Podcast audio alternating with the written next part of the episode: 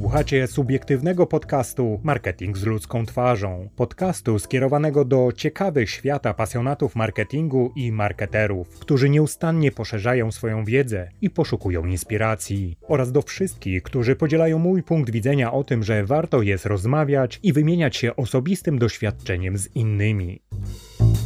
Gościem odcinka o motywacji, próbach i drodze do sukcesu jest Mateusz Kusznierewicz, olimpijczyk, żeglarz, trener, motywator i power speaker, biznesmen i ojciec. Odcinek jest szczerą rozmową z Mateuszem o jego osobistej drodze do sukcesu, prawie do pomyłek i konieczności podejmowania prób, samodyscyplinie, empatii i umiejętności rozmowy z samym sobą. Zapraszam do wspólnego spędzenia czasu i wysłuchania odcinka. Ja nazywam się Andrzej Wierzchoń, a moim gościem jest Mateusz Kusznierewicz. Posłuchajcie naszej rozmowy. Dziękuję, że znalazłeś czas. Witam Cię w podcaście Marketing z ludzką twarzą. Cześć Andrzej, miło mi. E, witam Państwa bardzo serdecznie. E, nasi słuchacze pewnie są przezachwyceni, dlatego że takiego gościa jak Ty złapać jest dość trudno, co zresztą okazało się, bo umawialiśmy się dość długo na ten podcast. Ale daliśmy radę, to po pierwsze, a Tobie należą się gratulacje, bo nie odpuściłeś e, i doprowadziłeś do tego momentu. Tak, faktycznie bardzo intensywnie żyję realizuję szereg projektów, nadal żegluję, e, ścigam się w regatach, co sprawia mi olbrzymią przyjemność. No i raz na jakiś czas, e, a tak naprawdę raz w tygodniu przyjeżdżam do Warszawy. No i proszę, właśnie się tutaj spotykamy. No i o tym właśnie chciałem porozmawiać aspekcie, bo z żeglarstwa wyszedłeś, a jesteś bardzo rozpoznawalną osobą, jeżeli chodzi o temat e, aspiracji, motywacji i wielu, wielu innych tematów związanych z tym, jak robić to po prostu lepiej w biznesie. Tak, ja nieustannie aspiruję. poprzeczkę gdzieś stawiam sobie wysoko i to, do czego myślę, że tutaj nawiązujesz, to jest, można powiedzieć, mój archetyp, czyli odkrywca. Ja przez całe życie staram się przechodzić w interesujący sposób i tak myślę, że nadal, dalej będę kontynuował. Odkrywam świat, odkrywam siebie, ale odkrywam też nowe obszary. Nie jestem przyzwyczajony, by robić w życiu tylko jedną rzecz. Ja oczywiście wywodzę się ze sportu. Zacząłem żeglować, kiedy miałem 9 lat i nadal e, się ścigam, może już z mniejszą intensywnością, kiedy przy, e, w porównaniu do czasów, kiedy przygotowywałem się do Igrzysk Olimpijskich, kiedy startowałem w Atlancie, w Sydney, w Atenach, w Pekinie, a później w Londynie. E, ale to są fantastyczne doświadczenia. Następnie przeszedłem do biznesu. W biznesie działałem w obszarze edukacji, bo także dzieliłem się swoją wiedzą i zaszczepiałem tego żeglarskiego bakcyla e, wśród młodzieży. Dzisiaj dzielę się swoją wiedzą wyniesioną ze sportu, którą można wykorzystać w biznesie, ale też i w życiu prywatnym. Mam na myśli moje wykłady, czyli power speeche, e, kursy online, szkolenia e, i, i występowanie na, na konferencjach. Działam cały czas w obszarze marketingu i reklamy, czyli mm, tutaj przede wszystkim we współpracy z firmami, które albo wykorzystują mój wizerunek, albo chcą też mnie e, zaangażować do pracy e, sponsoringowej w sporcie, bo także tutaj mam bardzo dużą e, wiedzę.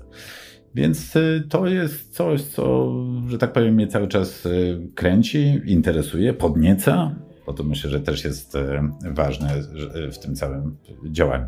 Więc to e, tak jakby ktoś chciał odświeżyć albo dowiedzieć się trochę ode mnie, to ja działam właśnie w tych obszarach, ale mianownikiem tego wszystkiego jest to, że ja cały czas odkrywam, nie boję się próbować nowych rzeczy. Zazwyczaj w każdym roku uruchamiam dwa nowe projekty albo projekciki, jeżeli można to tak nazwać i w tym roku będzie podobnie po to, żeby spróbować e, i zobaczyć, gdzie mogę mm, coś nowego odkryć, czegoś nowego się nauczyć. No sporo rzeczy ci wychodzi, to tego nie można odmówić, ale ilość prób też jest e, naprawdę imponująca. Natomiast per saldo, jak gdyby chodzi o to, że też dajesz e, nadzieję innym. Nadzieję innym na to, że można zwyciężać w bardzo wielu obszarach, że nie trzeba się zamykać w strefie komfortu i dużo też o tym mówisz.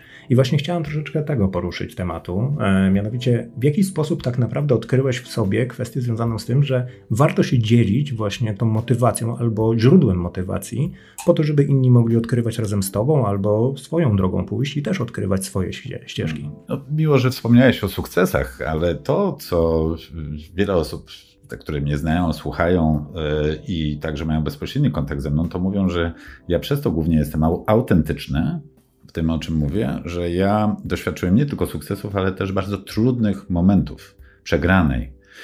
Nie chcę nazywać porażki, bo dla mnie porażka to jest taki moment, gdy przegrywam i nie podnoszę się, nie walczę dalej, nie wyciągam wniosków i nie podejmuję kolejnego wyzwania. Natomiast e, tych przegranych mam może nawet więcej na swoim koncie niż tych sukcesów, które wiele osób mnie zna. Złoty medal olimpijski, Mistrzostwo Świata, Mistrzostwo Europy, no to można powiedzieć, no największe sukcesy, jakie sportowiec może osiągnąć. No i to jest coś, co y, mi przyświeca. I nie wiem, z czego to mam, ale chyba mam to po prostu od urodzenia, że mam tą łatwość y, opowiadania o historii i przede wszystkim mówię o historiach przeżytych, czyli nie mówię o teorii, nie mówię o tym, co ktoś zrobił, albo gdzie co przeczytałem, tylko ja po prostu mówię, co się wydarzyło na pokładzie mojej łódki, co się wydarzyło e, w Sydney, co się wydarzyło w Atlancie, co się wydarzyło u mnie w domu, bo często też opowiadam o różnych doświadczeniach, chociażby z dziećmi swoimi. I opowiadam to dlatego, że może to komuś się przydać zainspirować. O, mam z tym problem, bo ja też mam taki problem. Nie ogarniam po prostu tej rzeczy, że dzieciaki cały czas się gapią w te telefony, na przykład, jeżeli mogę powiedzieć taka przyziemna rzecz, to ja wypracowałem metodę e, z, z Izą, z moją żoną i dzieciaki też na to poszły, że mają każdego dnia określony czas dostępu do elektroniki, bo nie to, że kompletnie im zabieramy albo bez przyczyny, tylko oni wiedzą, że tak jest do tego jeszcze mam ustalone, że jeden dzień w tygodniu to jest dzień bez elektroniki, czyli kompletna higiena cyfrowa. E, a w ogóle a propos higieny cyfrowej, to to, co robimy, to jest higiena cyfrowa. I dzięki temu e, jest ta równowaga. Ja jestem w ogóle za taką równowagą w życiu i w przestrzeni, ale dzieciaki też rozumieją, bo wiedzą, że co za dużo to niezdrowo. A to nie dotyczy tylko cukier, cukru i słodyczy, czy różnego rodzaju innych rzeczy, ale także i dostępu do smartfona. I tak jak słyszycie, ty słyszysz i Państwo też, którzy teraz y, są przy radio odbiornikach, że mm, to mi przychodzi dosyć łatwo. I dlatego, y, i do tego jeszcze mam y, satysfakcję i przyjemność. Dwa dni temu, zupełnie przypadkiem, na ulicy spotkałem jakąś panią, która mnie rozpoznała i mówię, panie Mateuszu, ale super, że pana spotykam, bo te treści, które na LinkedInie czytam e, w ramach poniedziałkowej motywacji mojej, zawsze o 7.30 w poniedziałek wrzucam właśnie taką z życia wziętą historię, albo jakieś inne, to mówi, to mnie układa w ogóle cały, e, cały, cały, cały, cały tydzień.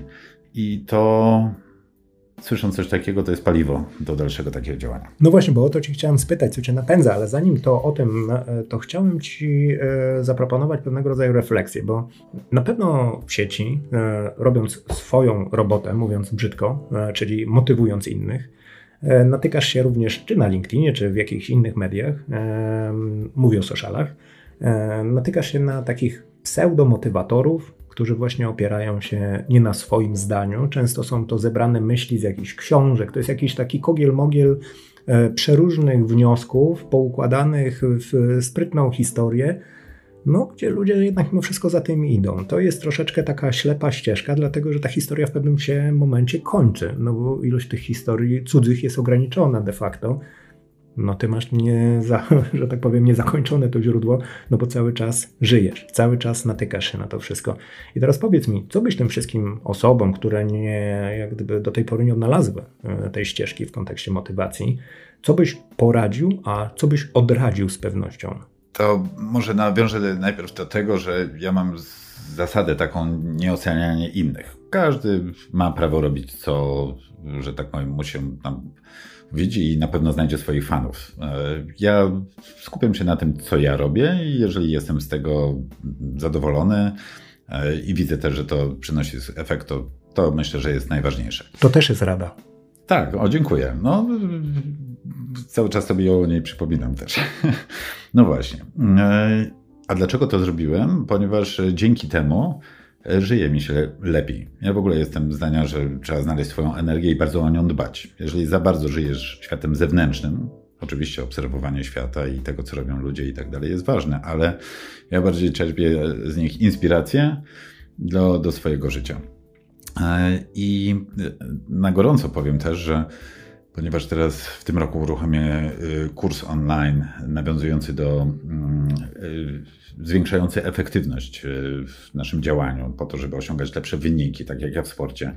E, staram się jak być najbardziej efektywny, mam ograniczony czas, jak ten czas wykorzystać i co robić, żeby wygrać te regaty i nie mam możliwości o wszystkim, o wszystko zadbać, wszystkim się zająć, dlatego wybieram swoje priorytety, które najbardziej mnie przybliżą do, do celu. I to jest ta efektywność. To jest w ogóle mój, że tak powiem, wyróżnik. A na efektywność składa się energia, motywacja i narzędzia, które, i sposoby, które sprawią, że będziemy bardziej efektywni. I ja o tym właśnie często piszę w swoich social mediach, wysyłam też newsletter, który nazwałem Dobry Kurs, do którego można zapisać się na mojej stronie internetowej. O, przy okazji reklama. Zapraszam. zapraszam. Tak, tak, zapraszam. Mm, e, super sprawa, bo już tam ponad 4000 osób z tego korzysta i dostaje niesamowity fajny feedback, a nie robię tego często, bo piszę raz w miesiącu. I to wszystko sprawia, że gdzieś tam sobie tą drogę wybrałem. Zapytałeś mnie o źródło, że tak powiem, inspiracji i w jaki sposób je, je dobierać. Ja, ja, ja szeroko patrzę. Ja słucham podcastów, ja oglądam kursy, czytam, że tak powiem, materiały już nie w gazetach, a bardziej w internecie.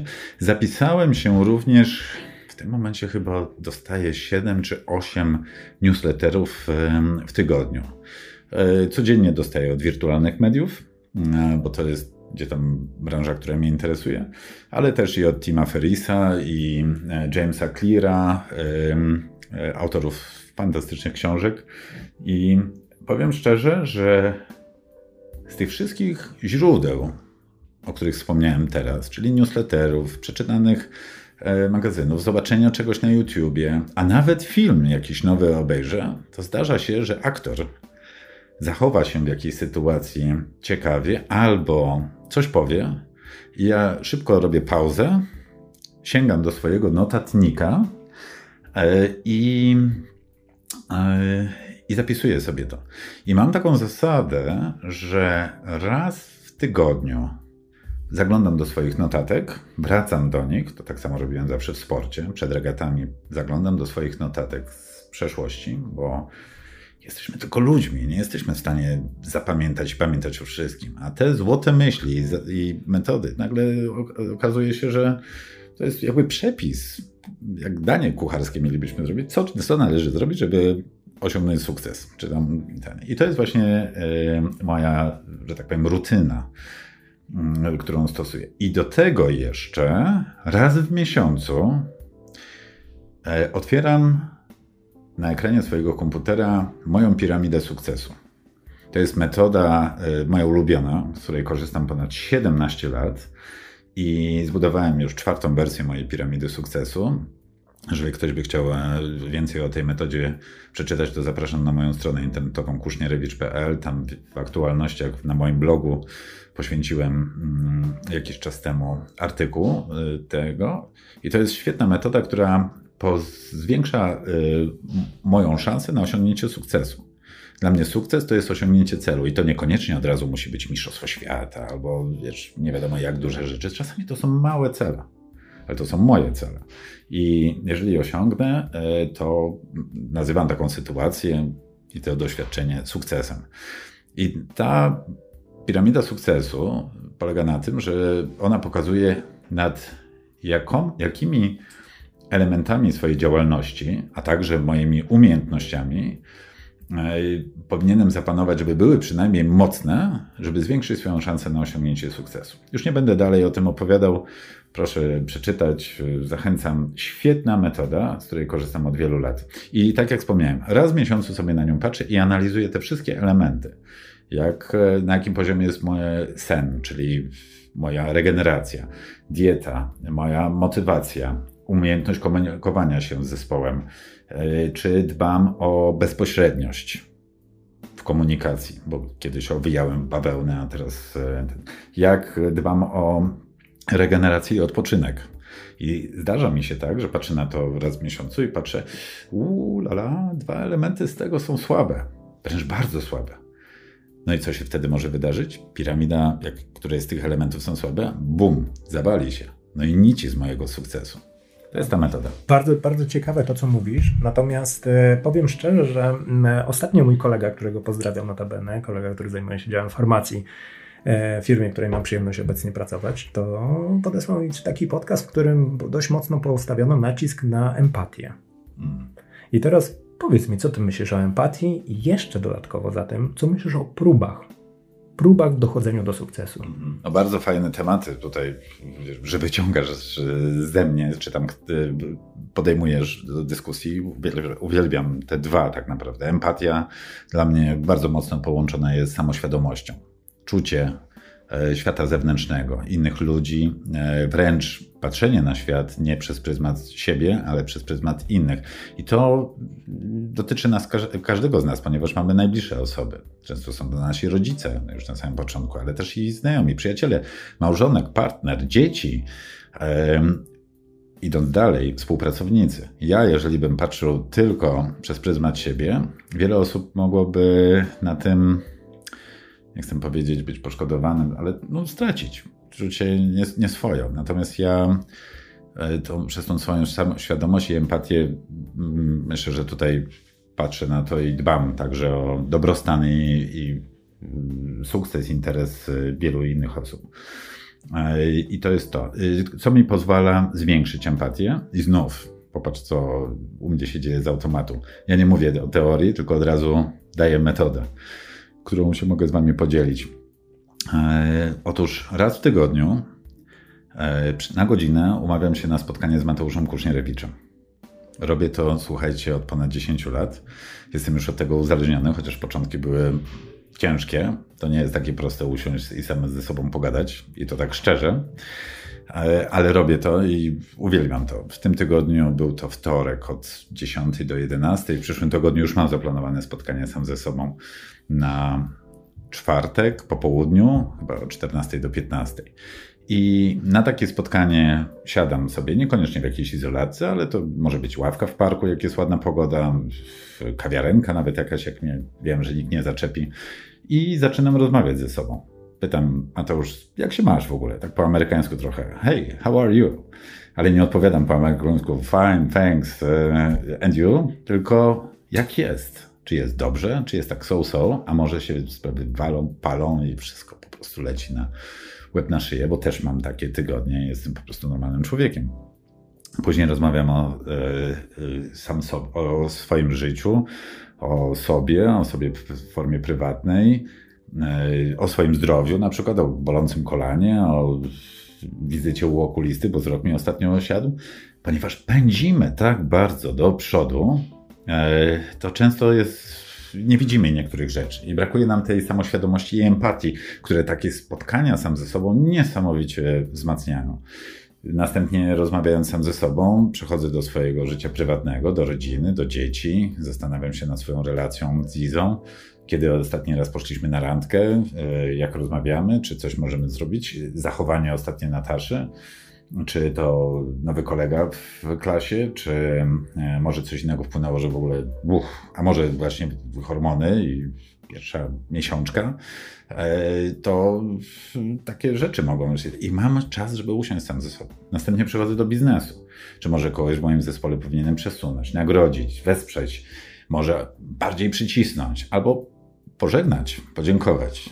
Więc mam czas, żeby to przemyśleć i zauważyłem, że dzięki tym spotkaniom sam ze sobą, po pierwsze, wzmacniam swoją samoświadomość, czuję więcej rzeczy, znajduję rozwiązania i popełniam mniej błędów. To jest niesamowite.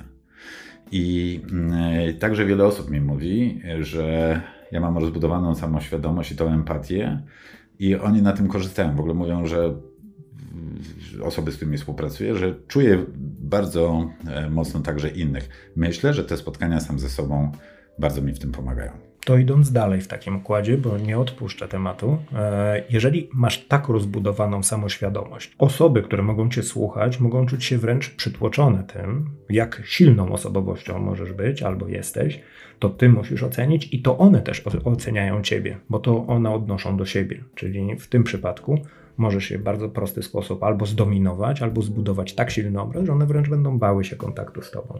I teraz, jak tym, z tym sobie radzisz? Czy spłaszczasz, zmniejszasz dystans? W jaki sposób to rozwiązujesz? No tu to jest też ciekawy temat i nie mogę ocenić, że nie, nie tak dobrze sobie z tym radzę. Ja generalnie jestem bardzo dobrze zorganizowany, wiem czego chcę, mam wiele rzeczy przemyślanych, korzystając tutaj z metody Think through things before they happened. Kolejna metoda, którą mogę tutaj podrzucić, czyli przeżywam i można powiedzieć, wyobrażam sobie sytuację zanim się wydarzą. Czyli można powiedzieć, budząc się rano, mam zawsze tą swoją godzinę dla siebie, kiedy w domu jest cicho i ja wcześniej dosyć wstaję, więc nie, wiele rzeczy po prostu mam przemyślanych, to wyciągnąłem ze sportu. Zanim wypływam, to też siadam nad brzegiem jeziora, czy morza, czy oceanu i wyobraźni żegluję cały wyścig.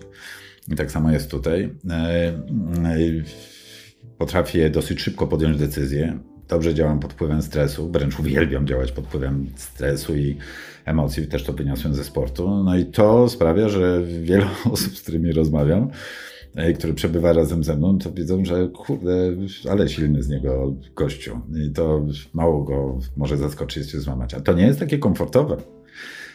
I to wiem po Izie, bo też często o tym rozmawiamy i wielu innych osobach. Ale znów robię swoje.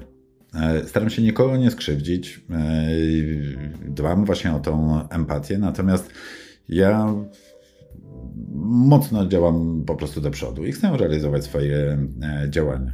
I myślę, że to w jaki sposób staram się wyważyć, żeby po prostu nikomu nie zrobić przy okazji krzywdy.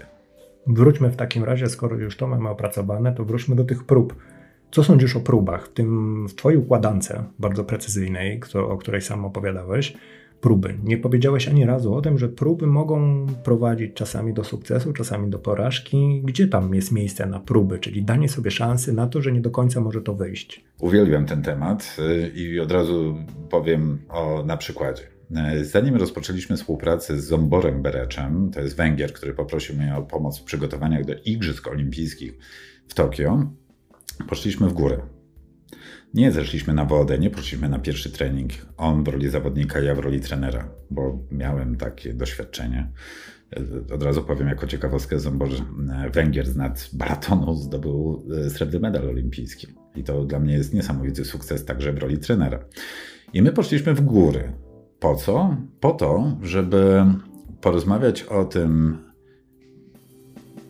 w ogóle o sobie, żeby się poznać, ale porozmawiać, w jaki sposób powinniśmy ułożyć strategię, by osiągnąć nadrzędny cel, czyli zdobycie złotego e, medalu olimpijskiego, a jeżeli nie złotego, to srebrnego czy brązowego. Ale mierzyliśmy wysoko. I my od samego początku byliśmy świadomi, z jakim, jakie to jest wyzwanie, z jakimi przeciwnikami przyjdzie się Zamborowi zmierzyć. Mam na myśli Anglików, Hiszpanów, Amerykanów, Australijczyków, Nowozelandczyków. Francuz był też świetny. Chorwat. No i mm, e, wiemy, te nacje, o których powiedziałem, to są potęgi w sporcie, a także i w żeglarstwie. I gdzie my, mali z Europy Wschodniej, Węgier, Polak, no dwa bratanki, ale, ale gdzie my do nich? I od razu z, y, doszliśmy do wniosku, żeby osiągnąć nasz cel, musimy wyjść y, ponad utarte szlaki.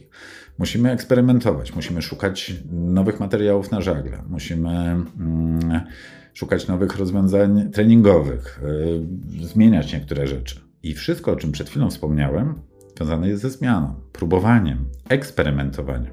A wiemy, czym, z, czym się wiąże, y, z czym się kończą zazwyczaj eksperymenty? Porażką. Dokładnie. I spośród 10 prób podjętych, ja też mogę powiedzieć na tym przykładzie, na tym doświadczeniu, E, to mm, jeden czy dwa e, kończyły się, że tak powiem, czymś pozytywnym albo sukcesem. Ale my powiedzieliśmy sobie, musimy to zrobić, żeby osiągnąć ten cel. I tym samym my przyzwoliliśmy sobie na błędy. I powiem szczerze, to był game changer. To nam pozwoliło wejść na zupełnie inny stan umysłu i działania. Na 4 miesiące przed wyjazdem do Tokio e, Zombor e, wystartował w Mistrzostwach Świata, które moim zdaniem powinien wygrać. A jeżeli nie, to być drugi, trzeci. Natomiast my, wiedząc, kto tam się pojawi, że będzie najmocniejsza stawka, ustaliliśmy, wypróbujemy nowy e, styl startowania i nowy żagiel, na którym długo pracowaliśmy. Chcieliśmy przetestować to. Starty nie przyniosły żadnego efektu. Mogę powiedzieć, że spisaliśmy to na straty już po pierwszej połowie regat. Powiedzieliśmy, uff, to nie działa. A żagiel dawał mu ekstra prędkość. Zombor skończył te Mistrzostwa Świata przez tę próbę, które podjęliśmy na piątym miejscu. Na trzy miesiące przed y, igrzyskami. To, to nie jest dobry sygnał. To jest tak naprawdę powód, żeby wpaść w panikę. A co my zrobiliśmy, jak my wracaliśmy z tego portu w Portugalii? My wracaliśmy spokojnie, uśmiechnięci i wiedzieliśmy, co się dzieje. Mieliśmy kontrolę nad tą sytuacją. Powiem więcej, e, wtajemniczone osoby w węgierskim komitecie olimpijskim, a także i w mediach, też nie wpadły w panikę, tylko po prostu wiedziały, co się dzieje. Bardzo to y, pomogło. Y, nauczyłem się tego przy okazji tej współpracy i dalej z tego korzystam. Nie boję się e, przegrywać, nie boję się porażki. Wiem, że to jest tylko i wyłącznie kolejne doświadczenie, które w przyszłości mogę e, wykorzystać.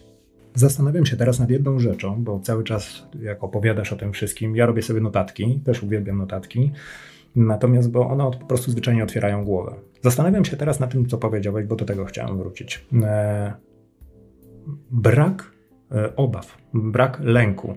Czy to jest, przepraszam za to określenie, ale czy to jest taka bezczelność w kontekście życia? Na zasadzie, że nie, ja wygram, zrobię to. Są osoby, które czasami nie potrafią się uwolnić od tych obaw, bo czasami rzeczy, którymi, o których decydują, decydują również o ich życiu. Ja nie mówię o tym, że to jest sprawa życia i śmierci, tylko mówię o tym, że gwarantują im na przykład chleb, gwarantują im utrzymanie co byś im powiedział? Jak wyzbyć się tego lęku po to, żeby otworzyć się na próby?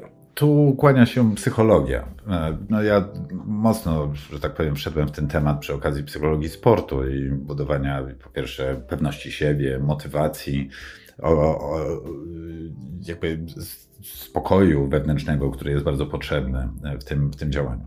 Ale tu akurat a propos tego, co zapytałeś, to wydaje mi się, że jest bardzo istotny właśnie ten element pewności siebie. Pewność siebie budujemy nawet nie tygodniami, ale miesiącami, latami. To jest nieustanny proces. I pomimo tych prób, tych czasami porażek, to raz na jakiś czas przydaje się nam osiągnąć jakiś sukces. E, zrozumienie, co się dzieje, doświadczenie tego i jakiś sukces, one budują także naszą e, pewność siebie. Więc pewna, pewien miks tych różnych doświadczeń jest bardzo ważny. Nie możemy cały czas dostawać lania. Nie możemy dopuścić do tego, żeby e, tylko e, raz i drugi e, doznawać porażki. Bardzo istotne jest także te, te ważne momenty, te dobre momenty. I tak naprawdę one nas budują.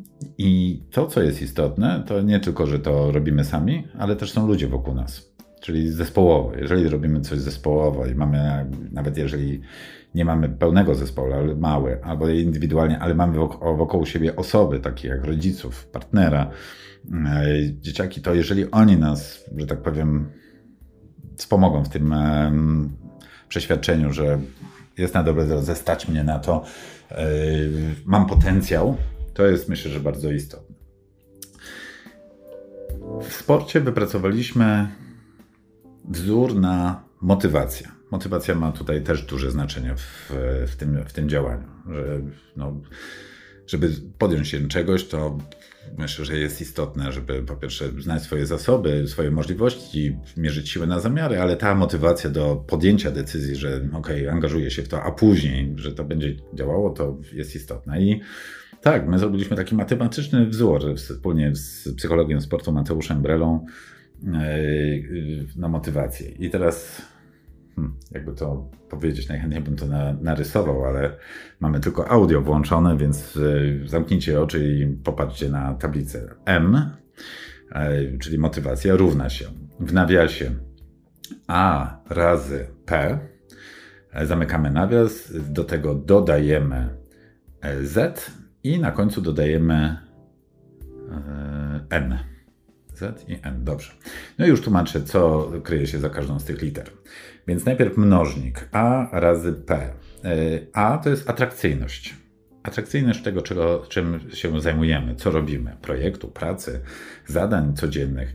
Jeżeli ta atrakcyjność, to co nam robimy, nam się podoba, nas jara, wiecie, jesteśmy tym zafascynowani, kręci, budzimy się w ogóle przed budzikiem, bo już się nie możemy doczekać, żeby pójść i zrobić to fajnym jeszcze w towarzystwie, w zespole.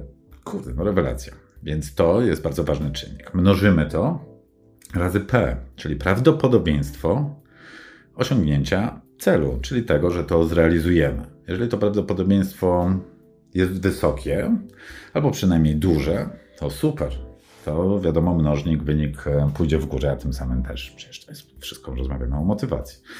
Ok, zamykamy nawias. Do tego dodajemy Z jak zasoby, czyli zasoby, którymi dysponujemy zespół, plan, czas, czyli ilość czasu, jaki mamy, bo czasami działanie, że mamy tylko 15 minut na załatwienie czegoś, to sorry, ale to może być za mało, ale jeżeli mamy więcej dzień, albo tydzień, albo miesiąc, no to już jest lepiej.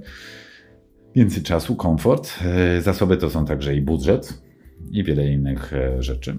E, no i to, to dajemy i na końcu zostało N.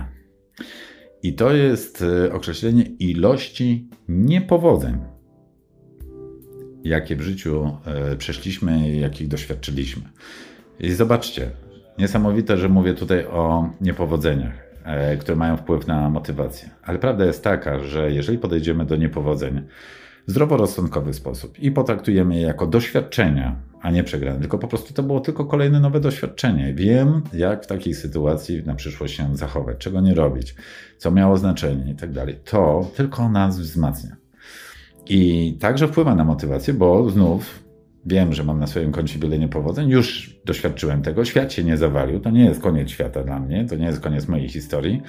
Jedziemy dalej i e, to jest też moim zdaniem i Mateusza i wielu innych osób ważny element e, całości. I zobaczcie, e, atrakcyjność, prawdopodobieństwo, zasoby, niepowodzenia, to wszystko wpływa na naszą motywację. Polecam z tego korzystać. Mi się bardzo ten wzór spodobał i dlatego o nim tutaj także mówię.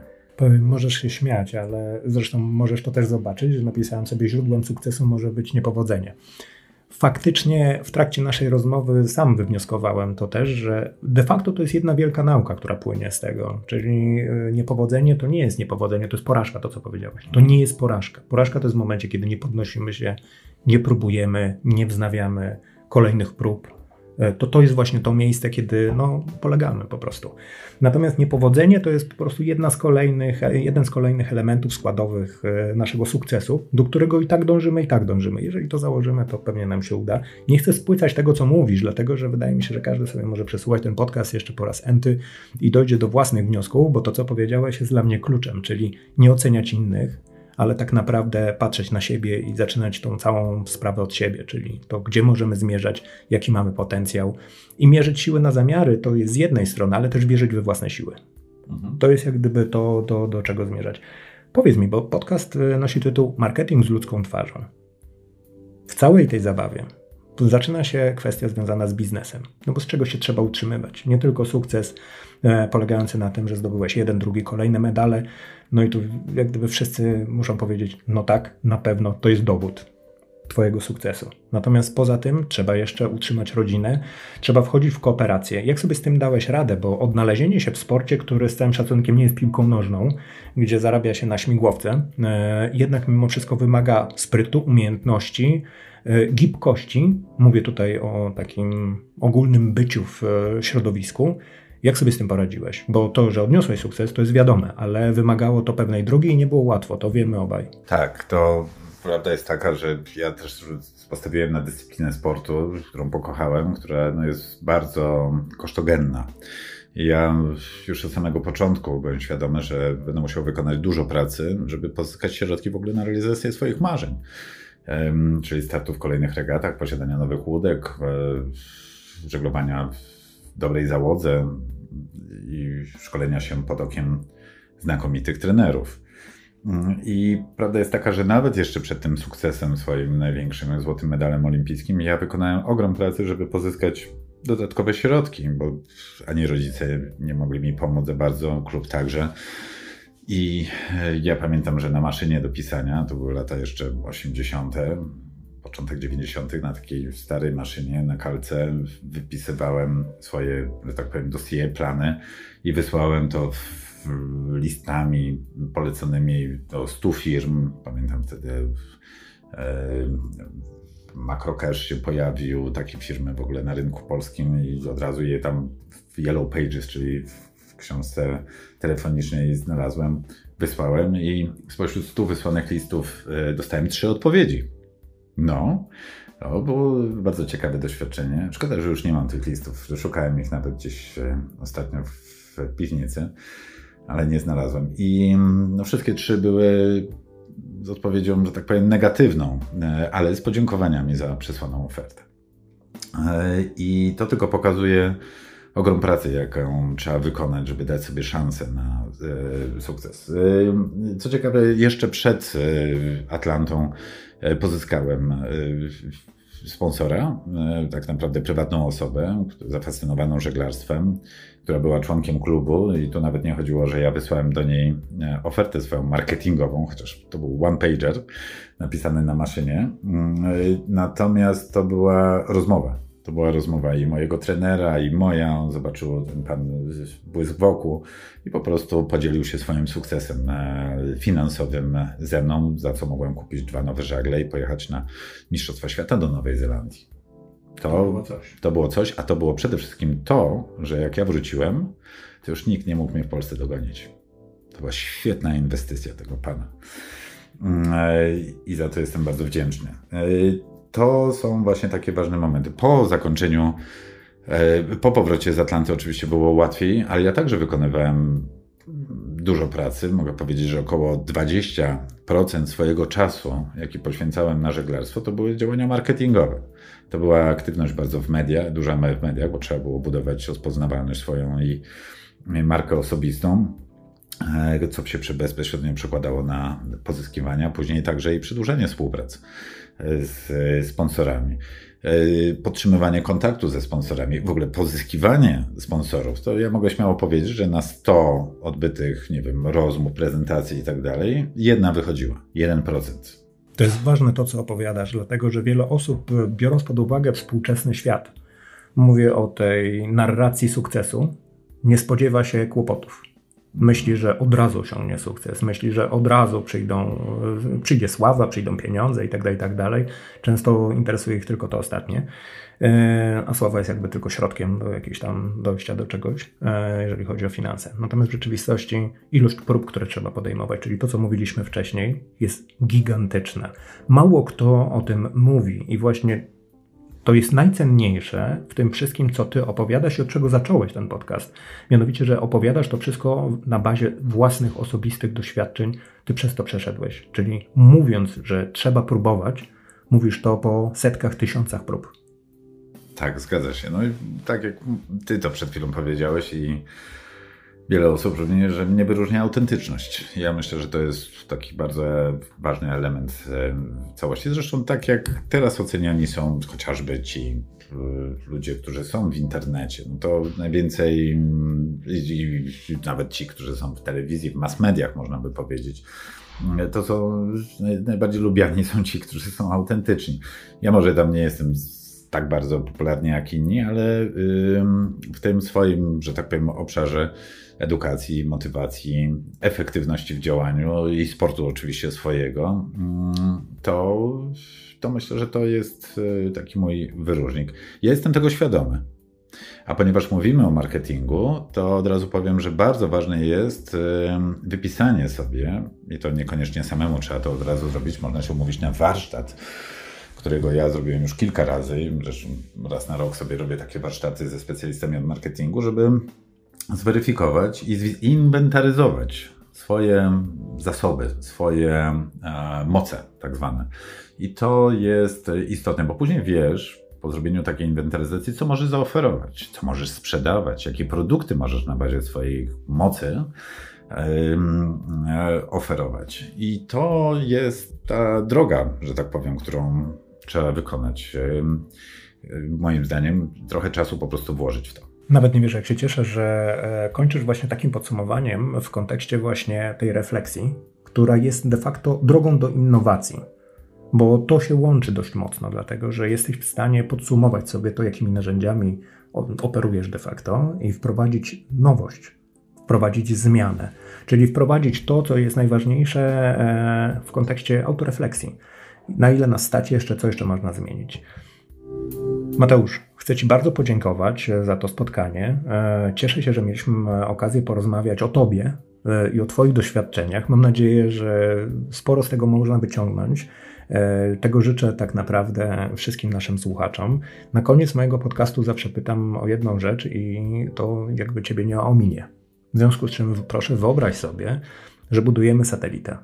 Tą satelitę pakujemy na rakietę, strzelamy w kosmos, ta satelita się uwalnia, leci przez galaktyki i ma napotkać obcą cywilizację. Co mamy napisać na tej satelicie, żeby zachęcić ich do odwiedzenia nas? Do odwiedzenia? No, okej. Okay. Znaczy popłyńcie z nami i po morzach i oceanach i... Yy Y, pochodźmy po górach, y, które mamy też cudowne na naszej planecie. Zachęcam wszystkich do podróży przez góry i oceany naszej planety wspólnie z Mateuszem albo z słowami Mateusza. Bardzo dziękuję. Ja również.